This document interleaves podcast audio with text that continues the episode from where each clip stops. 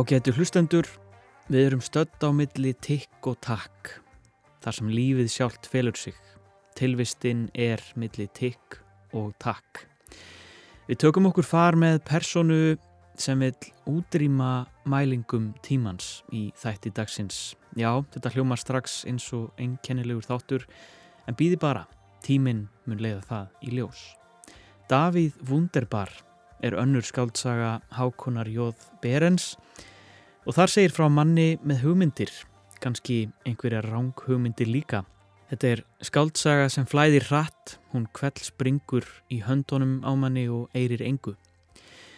Og þessi maður, aðal persóna sögunar, telur sig út undan, skilin eftir og þarf að flýja á nýmið til þess að öðlast eitthvað samastað í tilverunni.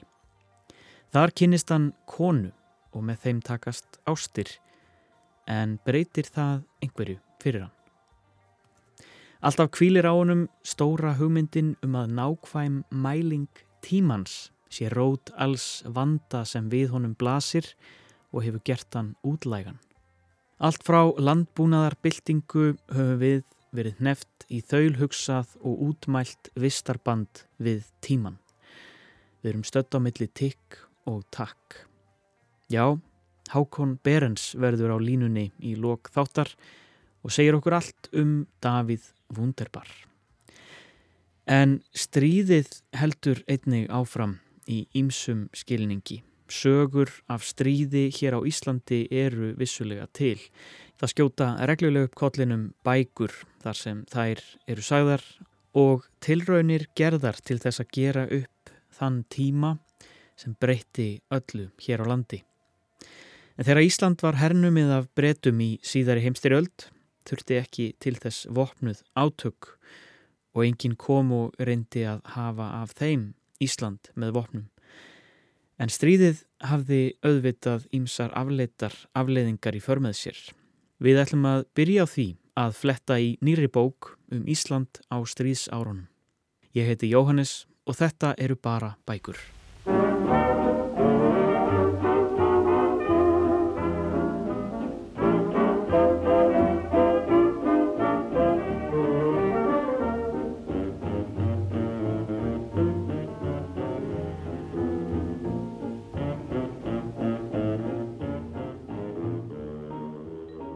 Eitt af því sem gerðist í kjölfar þess að breski herin steg hér á land í mæ 1940 var að aðilar sem gætu orðið til vandræða fyrir herstjórn breyta, til dæmis fyrir mögulegar njóstnir, þeir voru kortlagðir og haft var afskipti af þeim. Í nýri bók eftir Elínu Hirst, Afi minn stríðsfangin, segir hún sanna sögu úr sín eigin fjölskyldu þegar breski herin hann tók Karl Hirst afa hennar í upphafi hernámsins. Fyrir það eitt að vera þjóðveri. Hann var fluttur á samt fleirum í fangabúðir á eiginni Mön milli Írlands og Englands. Næstu ár voru öll samskipti þeirra hjóna, Karls og Þóru Mörtu, ömmu Elinar, ritt skoðuð. Og Þóra sem var kraftmikil og hugmyndarík kona þurfti að sjá einn fyrir fjölskyldunni. Að stríðinu loknu tók við önnur baráta. Að heimilisfæðurinn fengi að snúa aftur heim til eiginkonu sinnar og barna. Elín Hirst hafði heyrt talað um þessa atburði allt frá unga aldri og árið 1997 gerði hún heimildamind, Fangarnir á mön. En í þessari bók notast hún við áður óséð skjöl og enga bref sem varða afa hennar og örlaga tíma hans í fangabúðum breyta.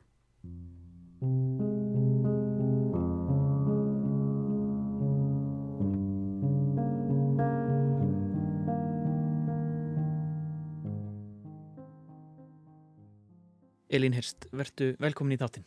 Þakka ég fyrir. Um, mér langar aðeins að byrja á því að spyrja þig út í sko aðdragandan að þessari bók vegna þess að ég veit að, að hérna, þú hefur velt eh, þessari sögu svo lengi fyrir þér. Um, það er náttúrulega, þú setur hérna smá fyrirvara strax í, í byrjum bókarinnar, þetta er ekki þetta er ekki svona það sem að kalla mætti reyn sagfræði, þetta er miklu persónleiri bók, þetta er fjölskyldu saga sem þú ert að segja þarna. En það hefur einhvern veginn núna leið í loftinu að gera upp þessi mál og kannski í starra samingi. Það var hérna nýjir sjónvastættir um, um Íslendingar sem voru handteknir á hernámsárunum og hlaðvarpstætti líka. Og svo vísar þú í, í hérna, skrif frá tíunda áratögnum um, um, um þessi mál Og þú sjálf gerðir heimildamind árið 1997 um fangana á mögun. Hvað veistu núna sem þú vissir ekki þá? Hvernig, hvernig er svona aðræðandina þessari bók? Já, það er góð spurning innmitt vegna þess að 1996 þá byrtist grein eftir eh, Snorræki Bergson sakfræðing sem hétt Fangarnir á mögun afskaplega vönduð hérna, vísindagrein og eh, það sem hann kafaði með djúft ofan þessi mál og meðal annars var þar aðeins minnsta á afa minn, Karl Hirst. Og í kjölfarið fekk ég svo mikið áhuga á þessu máli að ég ákvaði að gera heimildamind.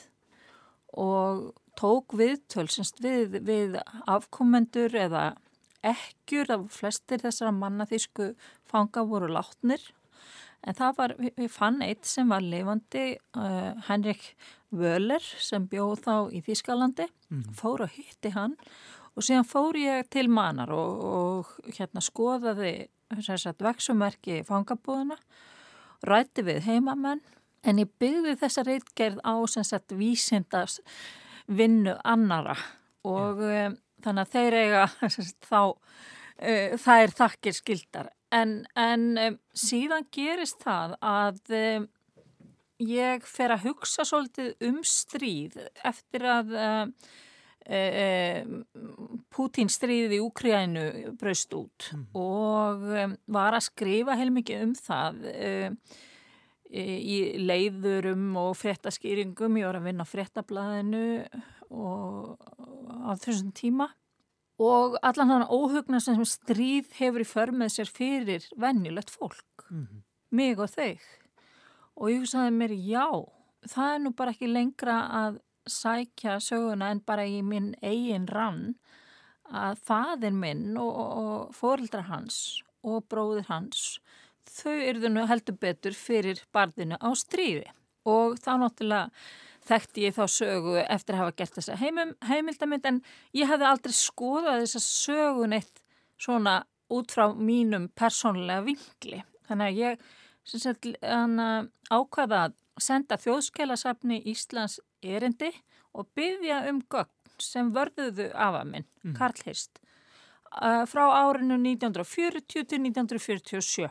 Og svo bara liðu nokkra vikur og þá fekk ég tölubósti eins og ég sagt bunga hreinlega af skjölum. Og það, þar, þar voru náttúrulega ný tíðindi fyrir mig að sjá um, öll þau skjöl sem verður hann personlega. Þetta hafði ég aldrei séð áður og þá sem mér, hér er ég með efni við sem ég vil að komi fram og ákvað þá að skrifa bókina.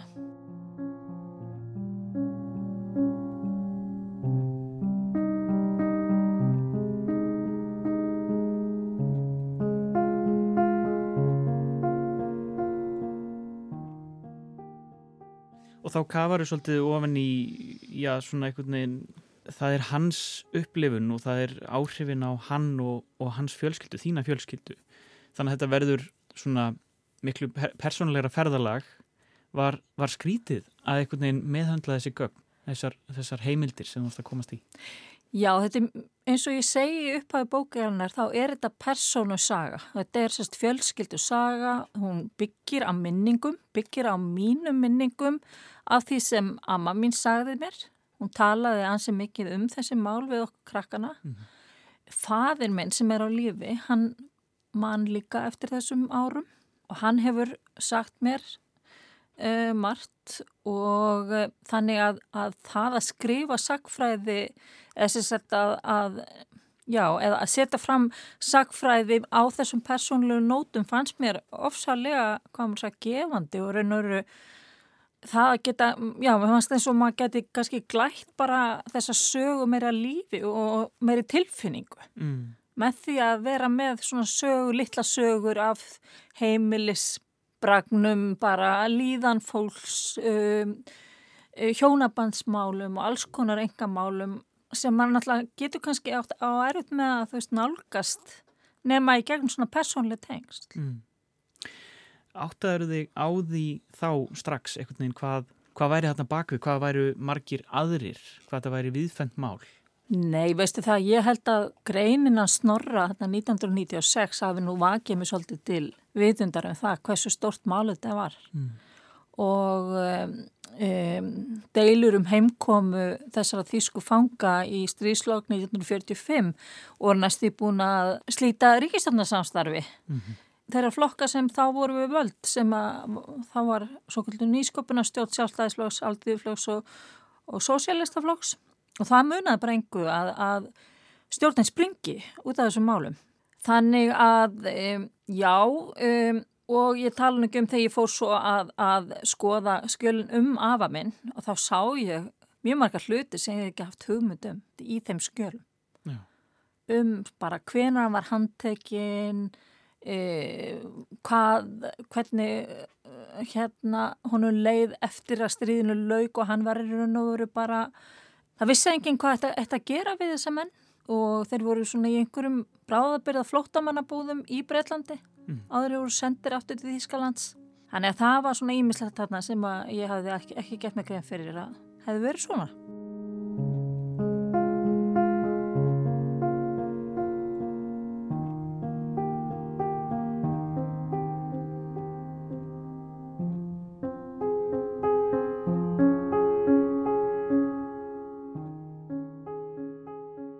það er mjög mikilvægt fyrir okkur að draga þetta allt fram í dagsljósu og, hérna, og horf, geta hort á þessa hluti og dráttur er að þessar, margar þessar sögur hafi nú ekki farið hátt þá, þá eiga semst tvillilega rétt á sér og, og gott að, að geta séð heildar samhengið og í, í minni bók náttúrulega er ég bara einblýna á mína fjölskyldu og mál afa minns og, og ég er náttúrulega að tala um þau líka sérst áður en stríðinu, stríði hófst og svona hvernig þeim gekk svo að vinna úr sínum málum eftir stríð.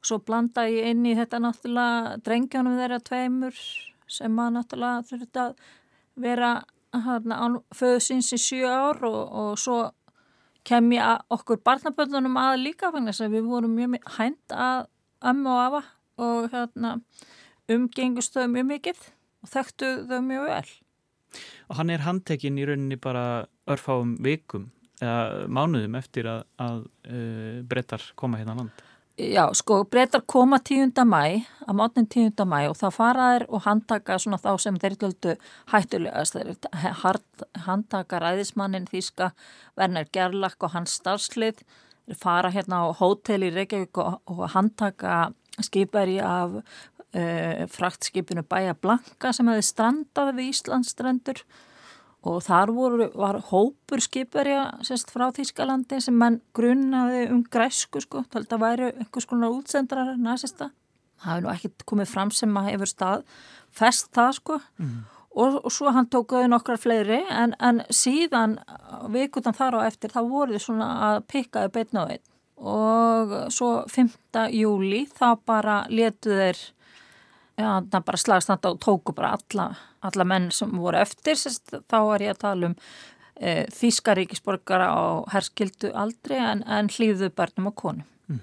Og þeir eru sendir e, þarna til e, manar, Isle mm. of Man. Þetta er náttúrulega af að sérstakur staður á þessum tíma. Þetta er náttúrulega, það var lengi sko, sömar, dvalarleifi staður, breyta, svo verður þetta þessari, ég eiginlega svolítið hálfu undarlegu fanga eigu. Hver hver er þessi staður og hvernig verður hann að þessu, er hann bara gerður af fangelsisegu? Já, það er svona svo fangan nýlenda eða já. Uh, já, það náttúrulega koma sjálfur sér þegar styrjöldin braust út að það var náttúrulega ekki þetta sumalegu staður, staður voru náttúrulega mikil tekjulind þannig að, að hérna það var nú örglega ekki mikil trafík á þessum hótelum og, og það var eins og, segi, var, eins og þú segir, það var mikið á gistuhúsum þarna á mön og þetta var svona sömalefis paradís svona áður menn fóru að kannski fara lengra eins og til spánar og sluðis og þegar ég kom hérna 1996 þá var þetta óskaplega svona vinarlegt umhverfi myndi svolítið á bara svona Ísland, bara svona li, lilla bæi á Íslandi mm. og nokkur litli bæir og mjög vingjallegt fólk sem að vildi aðstofa mann og og ég fór að skoða þessi hús sem að sem sagt, voru fyrst gistuhús síðan breytti fangelsi með virkirðingum náttúrulega en í dag eru bara vennileg íbúðurhús og já þannig að það, þetta var ansið mikil upplifun fannst mér að, að koma og horfa á þennan stað þar sem ég vissi að um en hefði verið fangi í fimm ár Og hvernig voru aðstæður þar þá? Já, eftir því sem að sakfræðingar hafa líst þá, þá voru bara alveg þokkalegar aðstæður fyrir þessa menn. Þeir byggu saman, íslensku þjóðverðin fengi að halda hópin og þeir elduðu sér mat sjálfur. Þeir hafðu svona þokkalegan rúmfatnað og, og, en það auðvitað skorti allt mm. og ég veit að Amma var að senda honum ímislegt svona sem að, hérna, svona sem hann þurfti nöðsula að halda frá Íslandi, oft líka til dæmis ykkur einhver jól, matvæli, íslensk matvæli og slikt og um, þeir voru ekki, eftir því sem ég allavega hef komist næst, allavega ekki síðan eitt sem bendist að þeir hafa verið beittur einhverju harðræði Nei. en ég til dæmis fundi samt skjöl um yfirherslur yfir afa af hálfu breska her, hersins og það er svona, já, já, þetta er allt mjög svona kuldalegt og, og, og uh, það er verið að beita þessa menn valdi og það er, er stríð og það er bara grunur um það versta að þeir, þeir hugsanlega séu nazistar í, í dulargerfi sem að hyggi á einhverja slæma hluti sko. Og það er þessi tilfinning sem að ingen í raunni bara þessar sögur af fólki á stríðstímum, hvaða áhrif stríð hefur á vennlegt fólk vegna þess að það er þessi ofbáslega paranoia, ofbáslega bara vænisíki sem er af hálfu ríkisins. Mm -hmm. Þegar sko paranoian er ríkistyrt, það hefur svo svakalegar afleðingar í förmið sér. Skoðaður eitthvað, eitthvað veist, þetta í, í samhengi við aðrar fangabúðir eða, eða sambærlegar sögur? Nei, en eins og ég saði bara í upphafi að þá hérna eru ennþá dag að dag að brjótast út stríð, syngt og heilagt. Þannig að við lærum aldrei af sögunni og lærum aldrei sagt, hvað þetta er langt frá því að vera hérna, mennst og hvað þetta er mikil ó, sko, maður getur ekki sagt orðið menning eða þú veist, þetta er bara svo Þetta er bara, hérna, styrjaldir er bara eitthvað svo fáranlegur hlutur. Og, en samt eru við alltaf að lendi þessu aftur og aftur og það er eiginlega, semst, úgrænu málið sem að svona, já, fjekk mig til að hugsa að, að hérna, að var náttúrulega, ég byrjaði að hugsa bara, hvað er ég eiginlega í gangi hérna? Mm. Og svo náttúrulega bæst við núna e, Ísrael og Palestína og Gaza og, og allt þetta og og það er bara eins og menn allir aldrei að, að, að læra hvernig það þeir eigi að lifa og haga sér. Manni finnst verið sko einhver svona uh, vatnaskila því að svona síðustu já, 30 ár með undantekningum auðvitað vegna þess að stríð eru einhvern veginn bara uh, viðstöðulegst ástand nánast mm. en við sérstaklega hérna á Vesturlundum hefum einhvern veginn lifað í þeirri hugmynd og kannski blekkingu að, að við séum á friðatímum. Við erum svolítið svona vakna upp við þann, þann draum. Já og ekki bara það vegna sem ég hef skrifað hérna tvær bæk, á, bækur áður en ég skrifaði þessa og hérna bóknumum tvö, hún fjallaði einmitt um stríðið í fyrirverandi Júkoslavi mm. og það er nú ekki lengur síðan en, en, en hérna í kringum 1990 eða eftir fall fall Sovjetríkjana að, að þar brist út stríð og með hræðilegum afleðingum. Og þetta land er, er, er hérna mjög nálat okkur.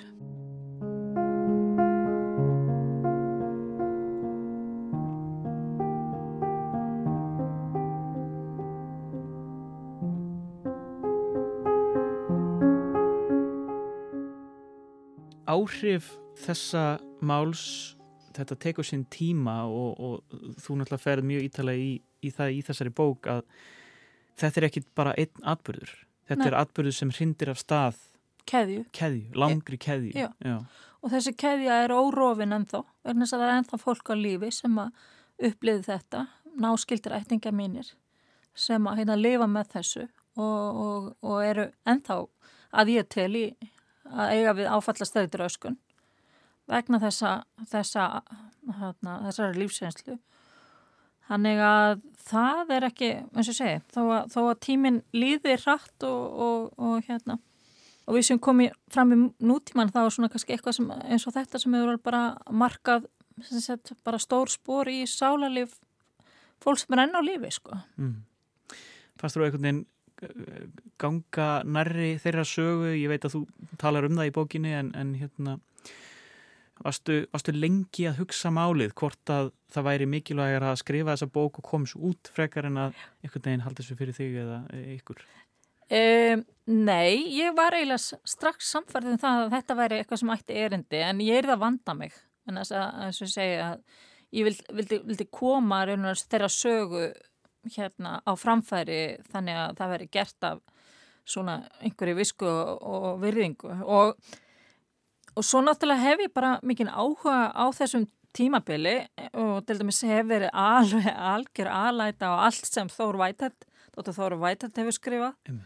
Hann, hann professor, var professor við Háskóla Íslands í sakfræði, hann kendi mér, ég var í sakfræði og líti afskaplega mikið upp til hans sem fræðumanns og hérna nota ýmislegt frá honum mitt til þess að gera söguna svona skýrari og þessa atbyrðarárs og neðan ég á, ég spyr að því í bókinni, þú veist, að móafi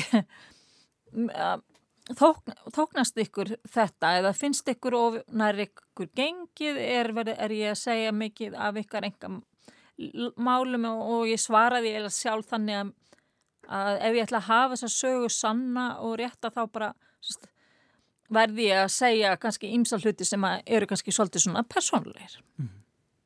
Og ég menna, er það ekki stóra ástæðin fyrir því að við segjum svona sögur og höldum þessum sögum til haga til þess einmitt að gleym ekki og, og halda, já, binda saman kynnslóður í einhvers konar bæði uppgjöri og að koma í veg fyrir.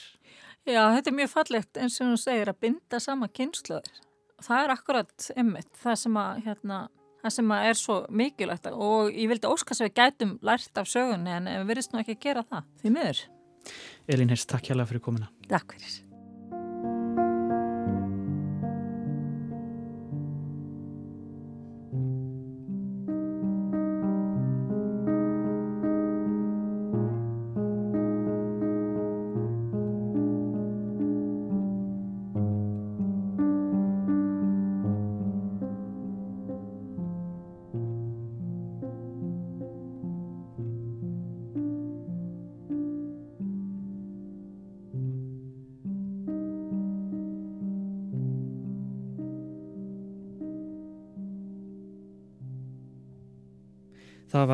Elín Hirst sem sagði okkur frá nýju bókinni sinni Afi minn stríðsfangin. En þá ætlum við að huga að allt öðru í allt öðruvísi bók.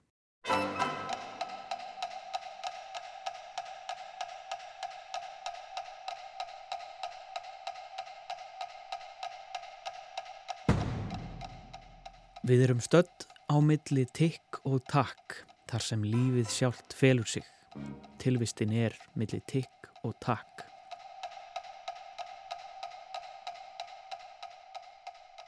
Við ætlum að huga næst að bók um mann sem vil útrýma mælingum á tíma.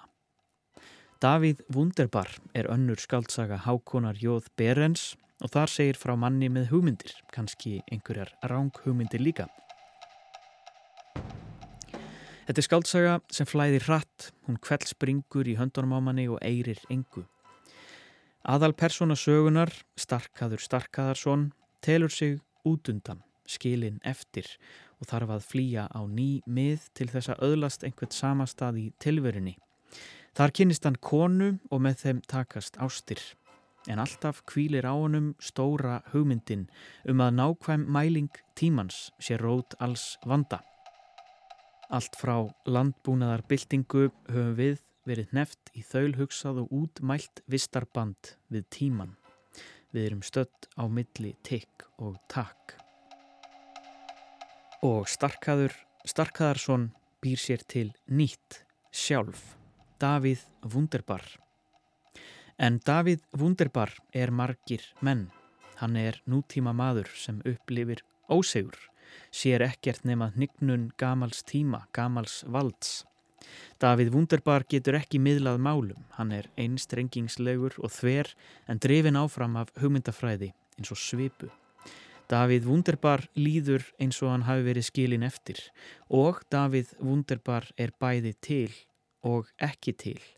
Það er starkaður Starkaðarsson, aðal persónu verksins, sem skrái niður sínar hugsanir og mögulega ráng hugmyndir á blað og við lesum. Það er hann sem endur fæðist sem Davíð Wunderbar og hann er víða. Starkaður 3.32 Í þessu húsi er ég döður. Ég var ekki með neitt sérstatt plan um það að drepa mig þegar ég kynnti Davíð Wunderbar til sögunar. Þetta bara rökk upp úr mér. Núna sé ég eins vegar að starkaður er dauður og allt sem honum fyldi. Davíð er nýr, óskrifað blað, ómengaður eins og nýfallin mjöll að vetri. Ekki einu sinni internetið veit hver Davíð er. Í þessu húsi er ég ekkert nema óendanleir möguleikar. Skaldsagan Davíð Wunderbar er skrifuð í afar frumlegum stíl þar sem hver hugsun sem er allt frá einni setningu upp í eina blaðsíðu er afmörkuð og hólfuð niður og mert. Það minnir á einhvers konar dagbókar eða færslu skrif eða kabla úr biblíunni sem ennfrekar hólfast niður í vers og tíman sjálfan líka sem skiptist niður í nær endalausar mæli einingar allt frá smæstu sandkornum úr sekundu yfir í ár og daga, aldir og árþúsundir. Mælingar eru það sem hefur gert okkur kleift að stjórna, gert okkur kleift að stunda landbúnað, yðnvæðast, markaðsvæðast, koma heiminum fyrir á rúðustrikuðu blaði og rekna á það ótal dæmi sem gera manneskjur að tannhjólum sem virka aðeins ef þau samþykja kerfið. Starkaður 3.24 Þegar ég segi heimsendir er ég ekki að tala um að allt muni enda. Það er bara nútíminn sem mun líða undir lok. Við verðum hérna ennþá frjáls undan óki tækninar. Einhvern veginn svona hljómar þangagangur starkaðs, starkaðssonar aðal personunar í Davíð Wunderbar sem þráir eitthvað úr fortíðinni, óheft frelsi frá mælingum. Þetta er romantísk þrá eftir hornum heimið, þrá eftir hornu valda stegveldi. Starkaður fer offari í þráhyggju sinni og á leiðsinni ofan í myrkur manns sálarinnar brítur hann allt og bramlar og stríkur öllum öfugt með hugmyndum sínum og orðfæri sem kemur honum loks í klandur þegar hann fer yfir mörg og rekst frá samfélagi sínu. Þannig blasir það við honum að minnstakosti. Hann sannfærist um að það sé hans hlutverk að laga skekju heimsins sem tilkomin er vegna æ nákvæmari mælingu tímans sem hefur hneft menn í þrældóm. En í útlegð sinni kynnist hann konu, Dragitsu, frá Júkoslaviu og með þeim takast ástir og mögulega nýtt líf eða tilraun til þess. Hákon Berens, höfundu bókarinnar, er búsettur í Slóveníu í fjallendi næri landamærum Ítalju. Þar varð þessi bók til, Davíð Wunderbar, þótt hugmyndin sé gömul og tengist einmitt því tímanum? Ég byrja að skrifa hana í, í Ljubljana, svo fluttum við hérna upp í fjöllin og, og, og ég held áfram að skrifa hana hérna og það er óskaplega gott að skrifa hérna, það er mikið þögg. Eh, Söðfjóra áheppi skrifaði ég, ég sjálf þér allt öðruvísi, það var, það var bara verkefni, það var bara yfir þjálfi sem saði hér hefur skrifstofu og þú þarfst að skrifa í þrjá tíma á dag og, og þannig var Söðfjóra áheppi til. Þessi bók var skrifuð í, í stökkum. Það liði mánuður á milli þar sem ég var mikið að hugsa og, og melda og, og einhvern veginn leifin að þroskast og, svo tók ég, tók ég sirpu og skrifaði kannski í tvær, þrjár vikur mjög mikið og svo aftur var tekinn pása og ég held, ég held sko að ég hef ekki getað að skrifa þessa bók ef ég hefði, hefði ætlað að skrifa hana sagt, eins og söðfjörðavarpið eftir, eftir klukku. Starkaður 1 108 Hver skildi vilja kaupa sekundu sem hefur verið brotinu upp í 9 miljard 192 miljón 631.770 parta. Og hvað ætlar hann að gera við brotin? Það er nútíminn sem er svo flókin að hann virkar ekki nefn hann vit upp á hár hvað klukkan er. Í upphafi var veröldin svo einföld að við mældum tíman í árstíðum og æfi mannana. Spyrðum aður í þá daga hvað er klukkan var svarið hún er um það byl rétt rúmlega fæðing, rétt tæplega dauði. Uppháðs hugmyndin kemur til mín fyrir rosalega mörgum árum síðan bara í, í árdaga YouTube er ég að horfa á, á heimildamind frá BBC um, um mælingu tímans og þar kemur þess að fram þessi, þessi sko, hvað mæling tímans er viðkvæm og mikilvæg. Allur okkar samtími gengur fyrir algjörlega nákvæmur mælingu tímans og, og, hérna, og hann endar heimildamindina þölurinn endar á því að segja að ef ykkur vill fremja ofsa hriðjuverk þá, þá sprengir hann upp þessar 20 atomklukkur sem eru til í heiminum. Það hættir alltaf að virka. Allar tölfur hætt að virka ef þar viti ekki upp á sko, 1.900 á sekundu hvað klukkan er. Það er þannig að, að sagt, það eru til, eða voru til þá 20 atomklukkur í heiminum, það eru nú fleiri í dag og það er mæla tímanins nákvæmt og hægt er að mæla og, og, og svo er þessi tími seldur sagt bankarkaupan og flugfélög og, og ríkistjórnir og öll okkar kerfi hvort sem það er bara bensíndælur eða, eða flugvélar eða fjármálakerfi eða, eða, eða hvað sem það er er algjörlega há þessari nákvæmi mælingu tímans. Ef að sko talvanin heldur sko eins og að, að, að tíminn sé millisekundu fram eða tilbaka rángur að þá hættir hún að virka. Og þetta satt alltaf í mér sagt, þessi, þessi staðrind hvað hva, hva samfélag okkar geta stundum kvílt á veikum grunni eða, eða viðkvæmum grunni.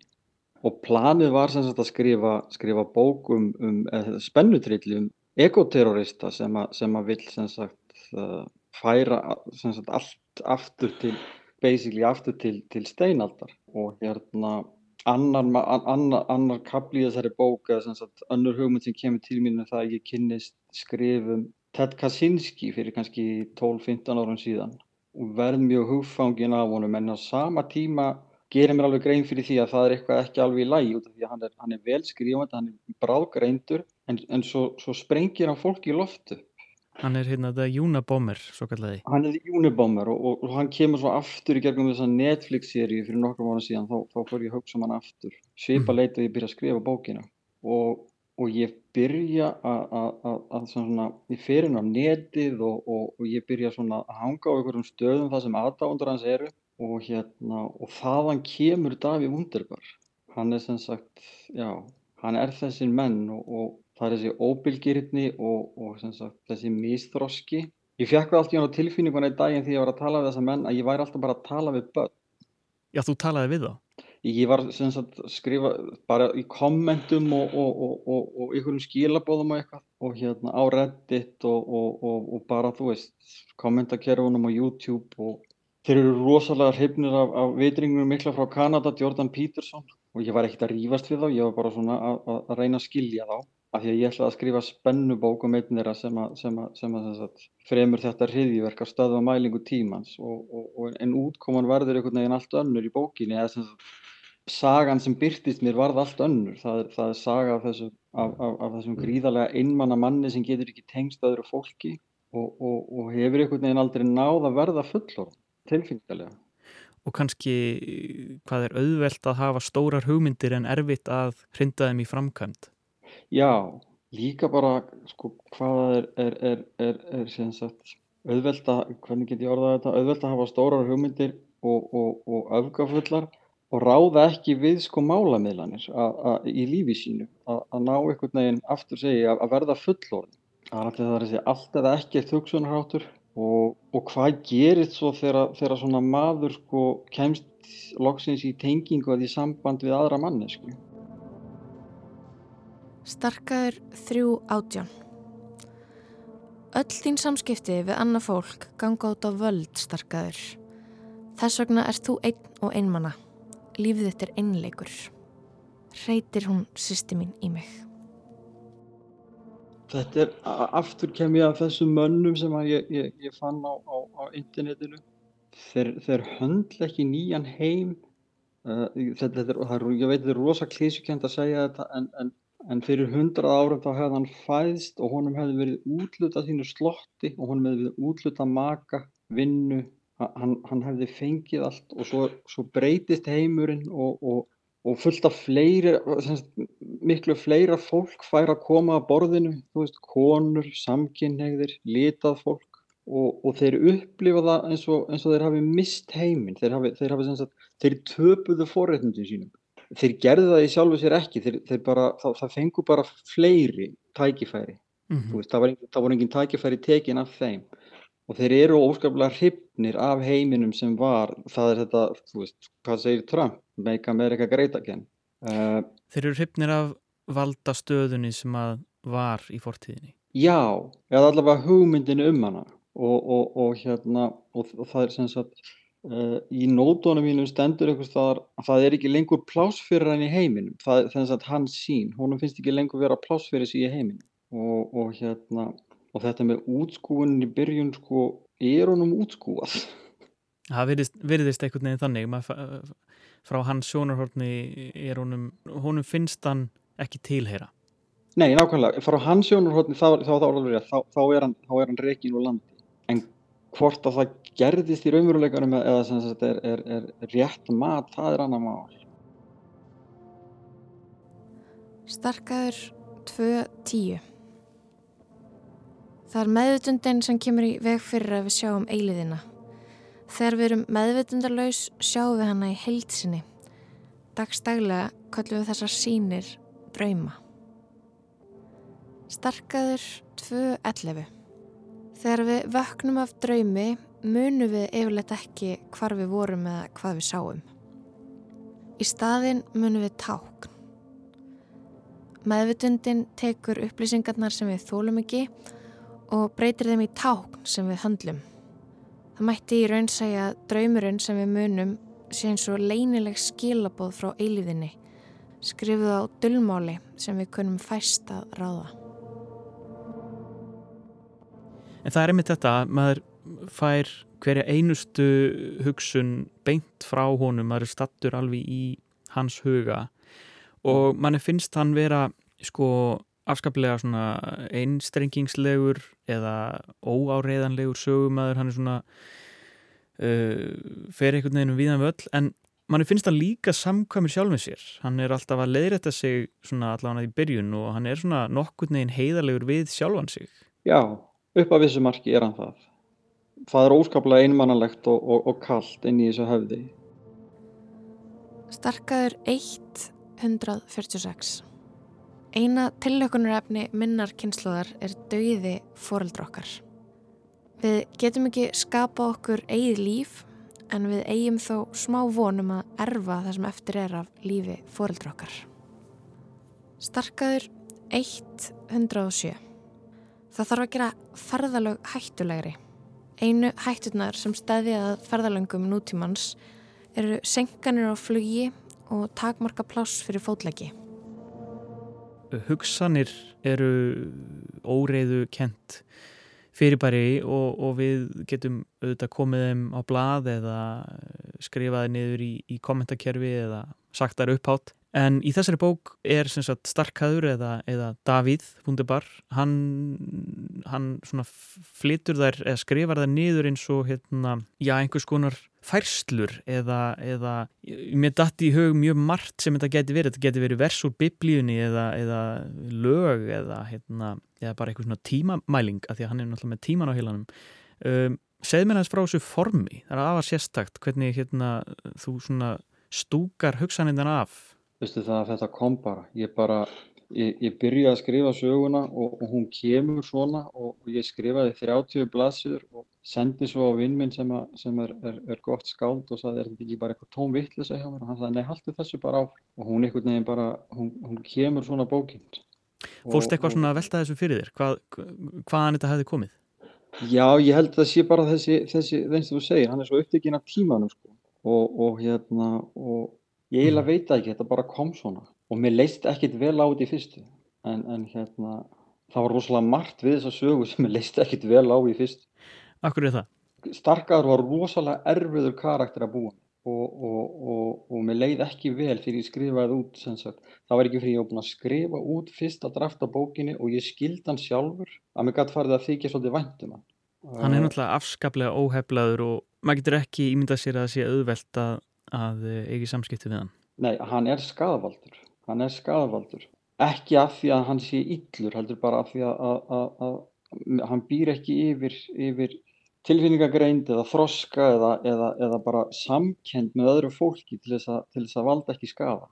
Og hérna, þegar hann byrjar, sko, þegar kjæftátturinn á hann byrjaði þá, þá, þá, þá fórnaði ég höndum. Ég var bara, nei, ég get ekki skrifað þessa bók. en, en það er ekkert hægt að berjast að móti sögunni þegar hún byrjar að koma. Starkaður 2.12 Stundum veit ég ekkert hvað ég er að segja. Þetta bara vellur upp úr mér. Næstum eins og einhver annar sé að tala. Davíð Wunderbar er hliðar sjálf, nýtt sjálf, tabúla rasa, hið óskrifaða blað. Og Davíð, splungunýr, gengur inn í nýjan heimsluta og kynnist mannesku, Dragitsu. Og, og hann er komin þarna til annars land, hann er einhvern veginn frjáls frá, frá, frá Íslandi og, og öllu, öllu fólkinu þar og, og hann tekur upp nýtt nafn og hann getur einhvern veginn orðið hver sem er og í gegnum samband þeirra þá við að sjá það að hann er ennþá bara starkar, það hefur ekkert breyst. Þrátt fyrir þetta svona, svona frelsishugsunum að hafa skapað nýtt uh, nýja sjálfsmynd þá er hann einhvern veginn bara sami. Já, hann, hann, hann er ennþá það, það að fljúa, fljúa til Þýskalands, það hefur ekki breytt honum og ekki nýtt nafn og, og, og já, hann er, hann er bara hann er ennþá það sem hann var þegar hann fór og það er kannski pínleiti tragiki hann í sögunni að, að, að hann fær þarna tækifæri til þess að mynda samband við aðra mannesku læra kannski verða aðeins betri manneskja en, en það er eitthvað nefn bara hann, glut, hann glutraði niður. Eins og fyrr segir er Hákon Berens búsettur í Slóveníu þar sem skáldsagan var til. Þar eru tengslinn við söguefnið og þann veruleika sem aðal personan þrýfst í bísna áþreifanleg og Hákon segir að hann skilji þessa manngerð betur. Mér finnst ég, mér finnst ég, mér finnst ég skilja hana betur og, og hérna Ég er rosalega, já, ég hef miklar áhugjur af henni, eða ekki miklar áhugjur en ég hrættur við hann. Af því að hún, hún sagt, þessi hugsunarháttur, þessi einstaklingsáttur og, og þessi, þessi réttrúnaður, alveg sama hvaða áttan fer, hann leiður okkur alltaf í ógöngur. Þetta fer alltaf illa með okkur. Og ég sé þetta hérna, já, já, óskaplega góða nákvæmna sem eru, eru katholskjur og tala aldrei um pólitík, það er ekki mikið talað um pólitík hérna og í fjóra kilómetra fjarlægð eru sko haldnir fjöldnafundir hinum með við landamærin þar sem að ítalski fasistar koma saman og, og, og er alltaf í fannir að tala um það að það þarf að taka, það þarf að endurheimta þessa dali sem við búum í frá Slóvinni að því að þeir tilheyrðu Ítali undir Mussolini. Þetta er svo súriðalist. Þetta eru lítil þorp og lítil bæir, norður Ítali, það eru alveg fróðu föllandi brjálæðir. Á uppgangi allskynns einstrengingslegrar hugmyndafræði og daðri við allræði segir Hákon vera einfalda skýringu. Ef við, ef við tölum um, um, um fyrirhandi fórsta bandaríkjana Donald Trump og hvað þessar 70-80 miljónir manna, manna sem að kusa hann, þá er ég ekki Trump stöðningsmæður og, og, og, og mér finnst hann ógeðfeldur karakter. En ég skil eiginlega allt fólkið sem kýsa af því að, að Eftir, sérstaklega eftir að hafa skrifað þessa bók af því að, að það var skilið eftir í ameríska draumum.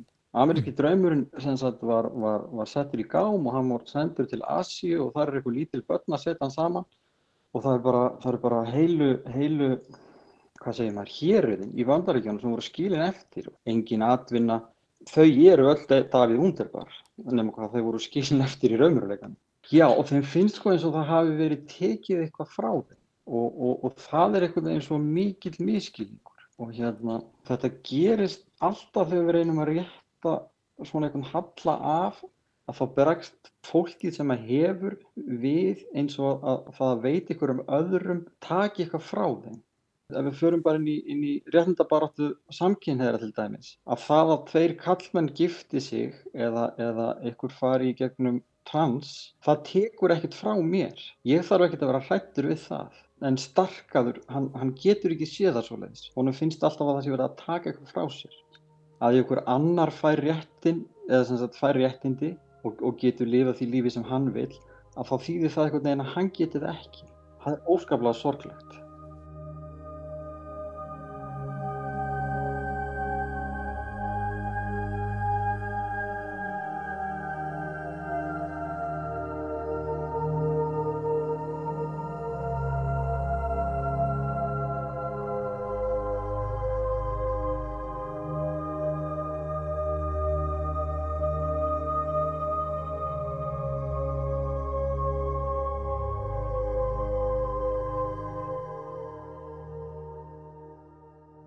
Hákon Berens sagði frá nýjustu skáldsögunni sinni, Davíð Wunderbar og slær þannig botnin í bara bækur í dag.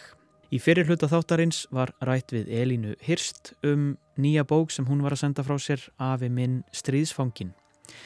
Og í næsta þætti verða stríðsárin á Íslandi áfram til umfjöllunar.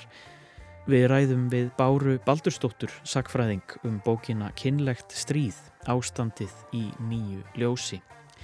En það er komið að lokum hjá mér í dag. Allir þættirnir eru aðgengilegir alltaf í spilara rúf og á hlaðvarpsveitum. Þið getið fylgst með mér og því hvað ég er að lesa á bókasíðunni Goodreads og netfang þáttarins er bara bækur at rúf.is. Heyrumst aftur eftir viku. Verðið sæl.